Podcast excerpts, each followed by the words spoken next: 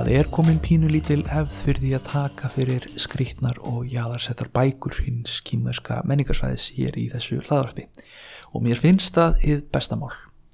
Við höldum því okkar striki í þeim efnum og því hefur bókin Shanghai Jing, eða bók láðs og laga, orðið fyrir valinu til umfjöldunar í þetta skipti. Shan er kýmverska orðið fyrir fjall, Hai er orðið fyrir haf og Jing þýðir jafnan bók eða reikning. Því fannst mér ekki úr vegi af íslenska nafnið svo. Þessi bók er afskaplega skriðin, sennilega leitun að jafn fyrirlegri bók. Hún er uppfull af upptalningum á fjöllum og ám og flóru og fánu fjarlara landa. En allt er það lega sögu líkast og harla ævintýralegt. Dýrin í upptalningunni eru gerðan samansett úr líkan hlutum þekktra dýra eðlur með vangi, tígrar með fugglaklær og einnig oft með mannshöfuð eða ásjónu. Jörtirnar og trén hafa eina tímsa yfirnáttúrulega lækningamætti eða blómstræðir þeirra eru fyrirbúðar. Bókin er líklegast á vissanhátt forfaðir setna tímabóka um drauga og kraftaverk eins og fyrir sögur Púsóling í Liao Jai og til dæmis vestuferðin en báðar hafa fengið umfjöldun í þessu lagarpi. En munurinn er sá að Shanghai Jing eða bók láðs og laga eins og ég mun kalla hana hér eftir er mun fornari og stílinni fremur eins og á einhvers konar landafræði eða, eða náttúrfræði.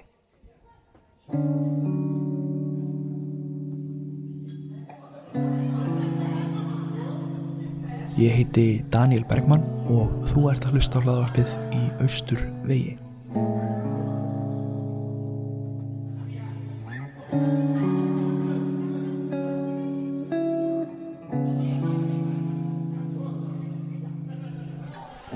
Það er talið að eldstu hlutar hennar hafi verið rítaðar á tíma hinna stríðandi ríkja eða um það byl 5 á 50 til þriðjöld fyrir, fyrir okkar tímamdal og sennilega byggt þar á enn eldri hefð sem kann að hafa verið munleg en líka hugsanlega einni rítuð en þá er þau rít klötuð. Bókin eins og við þekkjum hana í dag er frá því á andverðum Han tíma eða frá upphafi austu Jin-veldisins þar að segja einhver tíman á þriðjöld en það er reyndar mjög erfitt að negla niður þannig tíma.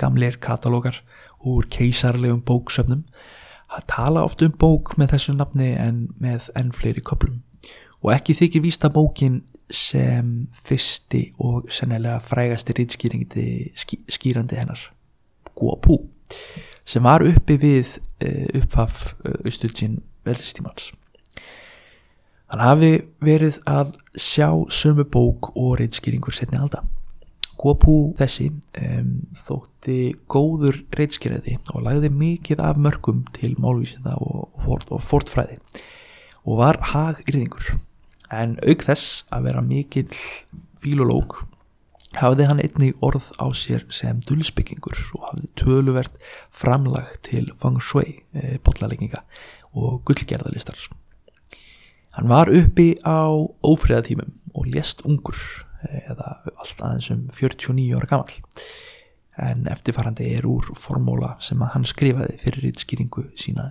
á bók, lás og laga. Þeir af þessum heimi sem lesa bók, lás og laga munu allir fyllast efa vegna þeirra fjarstæðu kenda undarlega heita og dulafulla fásina sem þar er rituð. En ef út í það er farið þá er rétt að minnast að orða Zhuangzi en hann sagði að það sem við menninni vitum er ekkert samaborðið við allt saman sem við vitum ekki. Það er því að þennan hátt sem að ég kýsa skilja bók, lás og laga. Því í óravítum sköpunarinnar er allt yfirfullt af lífi, þjætting og útbreyðsla yin og yang, fjölbreytilegi tegunduna, tí, sem blandast öllu og gís upp allstaðar. Svipir og andar líða yfir landsleginu og setja svip sinn á það. Leika í hæðum og ám, taka sér bólfestu og form í kjarri og klettum. Allt svo undursamlegt að engin orð fá því líst. Því ef við setjum allt þið óskiljanlega undir einn og sama hatin þá jöfnum við jafnframt öllum umbreytingunum við eitt lögmál. Þannig er hið einkennilega bara kallað einkennilegt og við vitum vart hvað er ekki svo við hið hverstaslega og venjulega. Ekkert er undalegt í sjálfu sér, heldur aðeins í augum okkar. Það verður aðeins undalegt þegar við höfum lagt á það dóm og því býr undalegin sannarlega í okkar huglægni en ekki í neinum hlutlegum veruleika.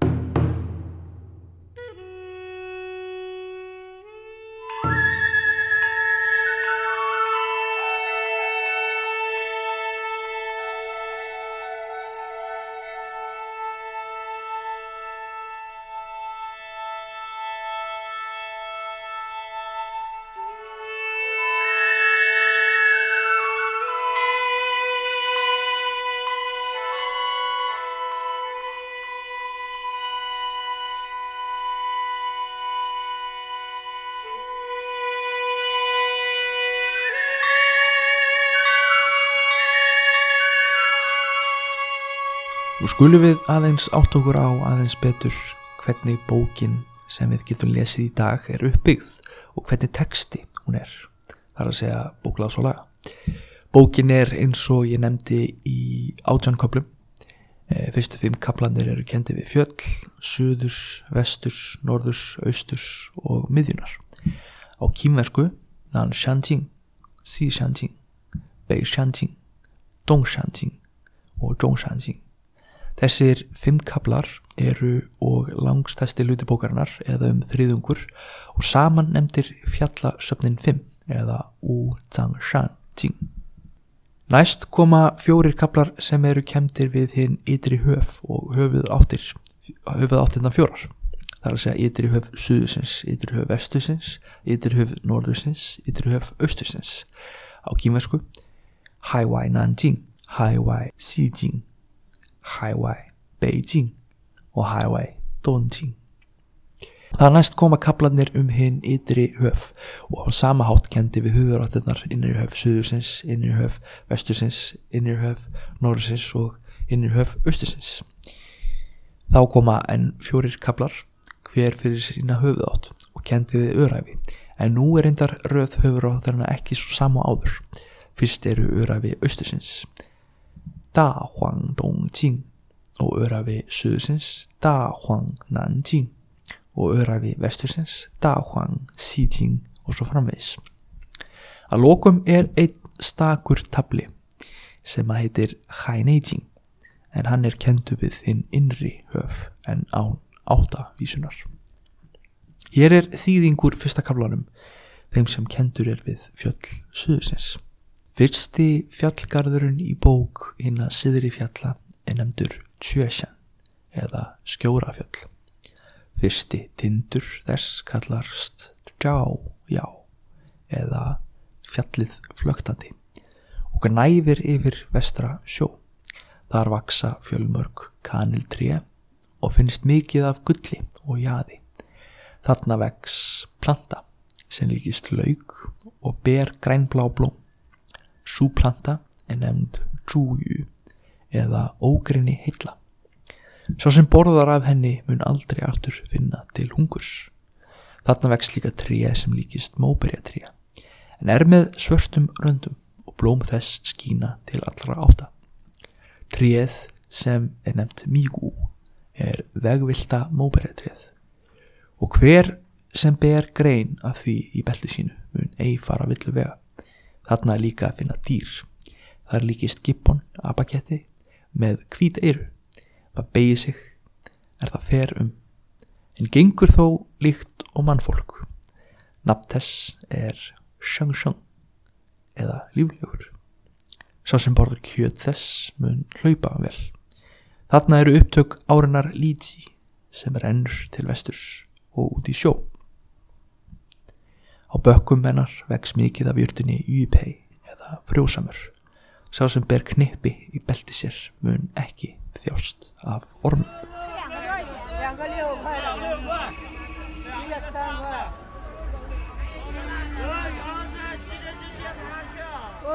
Þessi útráttur sínir reyndar feikilega vel stíl bókarinnar og gefur tónin fyrir það sem á eftir kemur.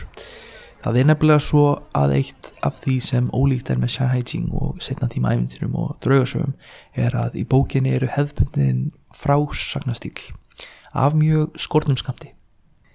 Þessi stað eru fremur langdragnar lýsingar á fjöllum eftir fjöllum, ám sem líkjast og vötnum sem breyða úr sér þar á milli.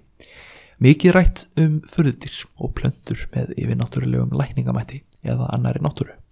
En landslægið sem líst er í bókinni er ekki hægt að heimfæra upp á Kína til forna eða nokkur tíma og þótt sem fjallinn og önnur örefni eiga sér hliðstæður í raunveruleikanum þá eru þau sjálfnast að finna á réttum stað eða í réttu landfræðilegu samhengi við önnur kennileiti landsins. Og hvað var þar upplýsingar um bæði flóru og fánu sem bókin reyði fram í miklu magni og er hennar aðal þema þá eiga fæst sér nokkur stað í raunveruleikanum nema hvað förðuskefninar sem oft eru samsettar úr líkanslutum nokkura þekta dýra. Og enn 350 lítið vesturs, þar er fjallið Jaði. Þar býr Sivangmu, konungamóðir vestusins. Konungamóðir vestusins líkir, líkist mennskri veru en hefur pardusrófu og tíkrist hennur. Hvíslar, kyrjar, blístrar vel. Hár hennar er mikið og úvið og á höfðinu ber hún krans. Hún ræður við náttúru hamförum og meinum fimm og þar er dýr sem líkist hundi en með hliðbarða blettum og horn eins og uksi. Namt þess er tjá eða slingur. Hlóð hans eru sem hundská. Það er það byrtist fylgir því stóru uppskýrafæri ríkið. Þarna er líka fuggl sem líkist fasana en rauður. Namt hans er singju eða hitti fíla. Sá borðar fisk og gefur frá sér hljóð líkt og lúk. Þegar hann byrtist verða mikil flóð í ríkinu. Samsettar verur sem þessar eru yfirgnæfandi meiri hluti þessara dýra sem líst er og einnig flest allara góðverðana og hér má einnig sjá dæmi um góðsvagna minni e, þau sem eru skotið inn í textan. Sennilega er um setna tíma viðbætur að ræða og kann að vera að þau beri vitnu um fyrsta vísi að reitskinningum. Þessi góðsvagna minni eru þó stuttarlega og gagnorð ofta eins og þeim sé skotið inn í sem glósum og ætlast til þess að lesandin þekki í bakgrunni þeirra. Og Sívang Mú, eða konungamóðu vefstursins sem þarna er nefnd, er líka þekkt góðvera. Í öðrum heimildum er henni nýst sem fagur í giðju, en þó með yfirbræði hausins og möskuna laus. Hugsanlega átti hún sér hliðstæðu í konungaföður austursins, en um hann er minna ritað og allt í yngri heimildum. Hér er annað dæmi um góðsagna minni en, en, en sagan um góðun nokkrum eins og hún er stögð í hlut, senasta hlutanum um innri höfin. Það var stórflóð og vatnagangurinn fossaði allt upp til heimins. Góðun stál hinnum levandi jarðegi frá hinnum aðsta guði og hugðist með því stöðva flóðið en án leifis guðs því skipaði guð Júróm goði eldsins að drepa Gunn í helgu vegi við fjadra, fjadra, fjadrafjall. Gunn endurfættist í goðinu Jú, Guð fól því Jú að festa mælinguna við jörðina og ákveða landamæri um dæmana nýju. Þessi frásögn er með þeim heitlegri í bókuláðsólaga en því miður eru flest góðsakna minni bókarinnar stuttorð. Það er einnig reitt aðal enginn í kýminska góðsakna fornaldar. Það var enginn Hómer eða Snorri Sturlsson til að sapna góðsögunum og samhæfa í auðskiljanlega heimsmynd eins og hómerskviðunar eða, eða snorraðita. En það er einmitt þess vegna sem við sjáum sennilega fremur upphaflega mynd lifandi góðsagnaheims sem eðlilega tóka sig ólíkla myndir myndli landsvæða og var sífilt að breytast og aðlagast lífi þeirra sem hann aðhildust. Sagan hér að framann um góðmagnið góðun og yfirnáttúrulega fæðingu svona hans, jú, Jú þessi er eitt þekktasta góðmagn fórt Kína, hann var sköpunaguð um, sem temur óskapaðin og hefði vilda flóð sem festir himneska frið og skipulag á jörðinni. Í öðrum eritum á þessa frekar um þessa feðga hvernig Jú spratt úr rótnandi ríki guðins í dregalíki og flög til heimins. Þannig er að þótt bókin sé helsta heimildum góðsagna heim fórt Kína þá mun hún valda vonbröðum þeim sem býst við að slíkur góðsakna heimur endur spekli fullkomna eða skiplaða heimsmynd.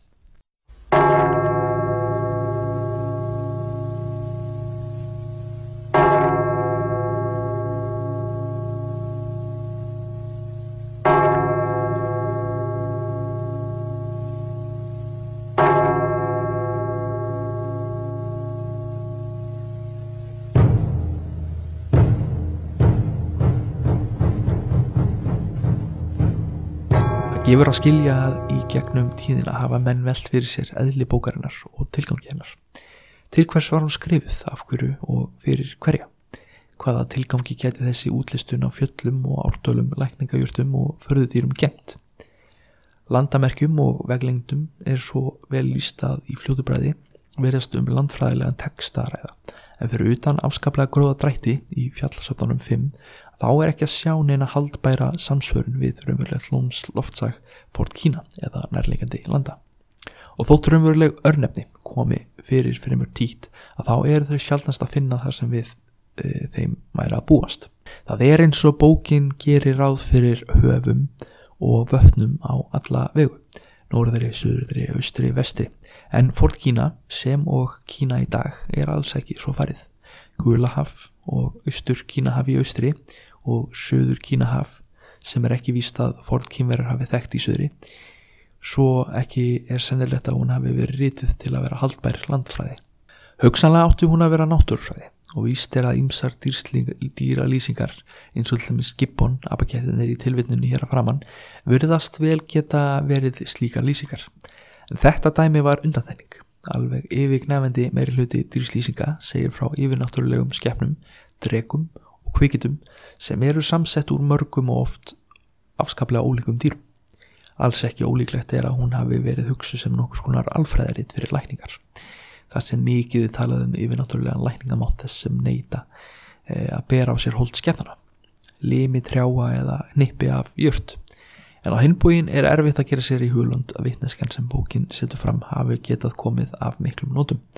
Flestar þetta, þessar uppskriftir sverja sig mun meira í ætt við ævintýralegarar frásagnir og eru líkt tröstverkandi þó kann að vera þarna séuferðinni haldbærar upplýsingar fyrir einhvers konar andlækningar sem hugsanlega eru fyrir hennar kýmesska græslækninga setna tíma. Svo við stöndum hér fyrir frammi fyrir ímynduðu landslægi fullu af góðmögnum og ríðsum, förðuskefnum og undarverðum lækninga júrtum. En hér liggur einmitt hundurinn grafin Menn hljóta að spyrja sig hvað eiginlega séð aðdórtarafl og gildi þessar bóka sem svo sálega skorti frásagnastíl æfintisins. Aðdórtarafl bókarinnar líkur fyrst og fremst í því að hún sér að öllum legendum ekki bara elsta og helsta heimildum trúalí Fort Kína heldur skrifið til að halda handa seðfólks og annara sem lifiðu og ræðrust í þeirri trú.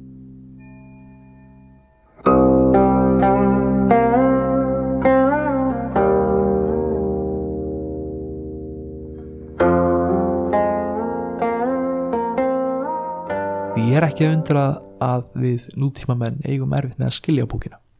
Við erum vön nútímalegra þangagangi, nokkuð vísendarlegri heimsmynd og ákveðinni formfestu í á frásögnum. Slíkt hefur sennilega verið fjari rítendum eh, og, e, og notendum bókarinnar. Rítendunir hafa líklega stekki séð ástæðu til þess að segja alla söguna því þeir hafa gert ráð fyrir að lesendur þeirra þekktu vel til þeirra og aðeins þurft að heyra nafn Kóðmagns eða eitthvað annað líkilort til að kalla fram í hugaskoti sínu alla söguna. Einn kenning er reyndar að heilsteiftari frásagnar hluti bókarinnar sé jafnvel segni tíma viðbætt bætt við um, árhundruðum síðar en, en svo staða var komin upp að, að fólk kunni ekki lengur að vekja upp anda og svipi í hugskoti sínu. Bókin er því að öllum líkindum niður reytun á munlegri hefð seðfólks og trúaleitóa fólk Kína. Heimur sem byggir á lögmálum samúðargaldurs, eða sympathetic magic eins og sattur hænsku, sem er fullur af guðum og öndum, heimur sem er panþískur eða algiðistrúar og animískur eða andatrúar. Heimsmyndin sem hún sínir er einni emitt svo framandi, skrítin og, og yllskiljanleg fyrir nútíma menn vegna þess að hún er kristullun, sagna og heimsmyndar brota frá ólíkum tímum, landsvæðum og jafnvel menningum.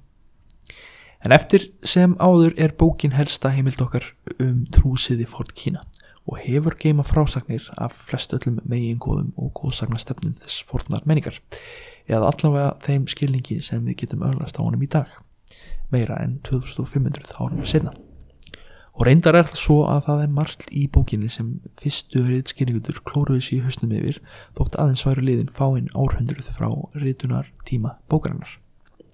Margar þessar góðsagnir gefa okkur töluvera góða vísbendingar um heimsmynd þá sem bókin er e, sportin úr. Til að gefa nokkra mynd að því þá er forvinnilegt að skoða nokkra frásagnir af góðverinu Di Chun. En svo verðist vera höfuð guð æðsti guðin að öllum líkitum Karlkins heiminn guð Skoðum næst frásögnina Di Chun úr kaplanum Örafi Söðusins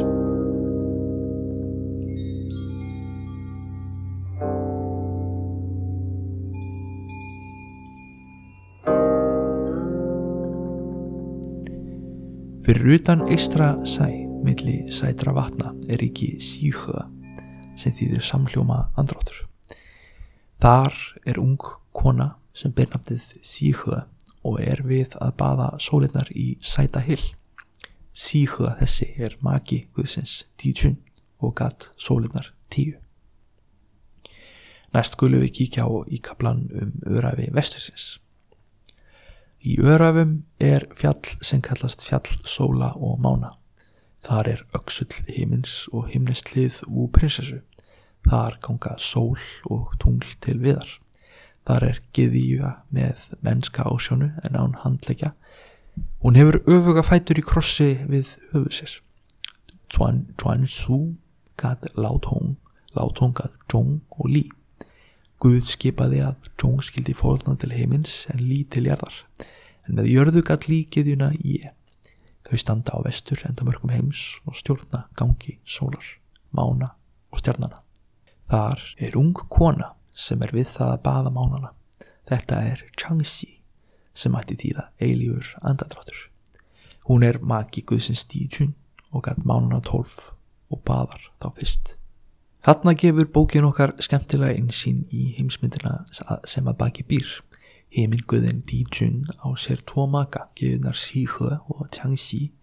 Síhö hefur borið með honum tíu sinni sem eru sólir og Changxi hefur borið tólf væntalega dætur sem eru jáfnframt tungl.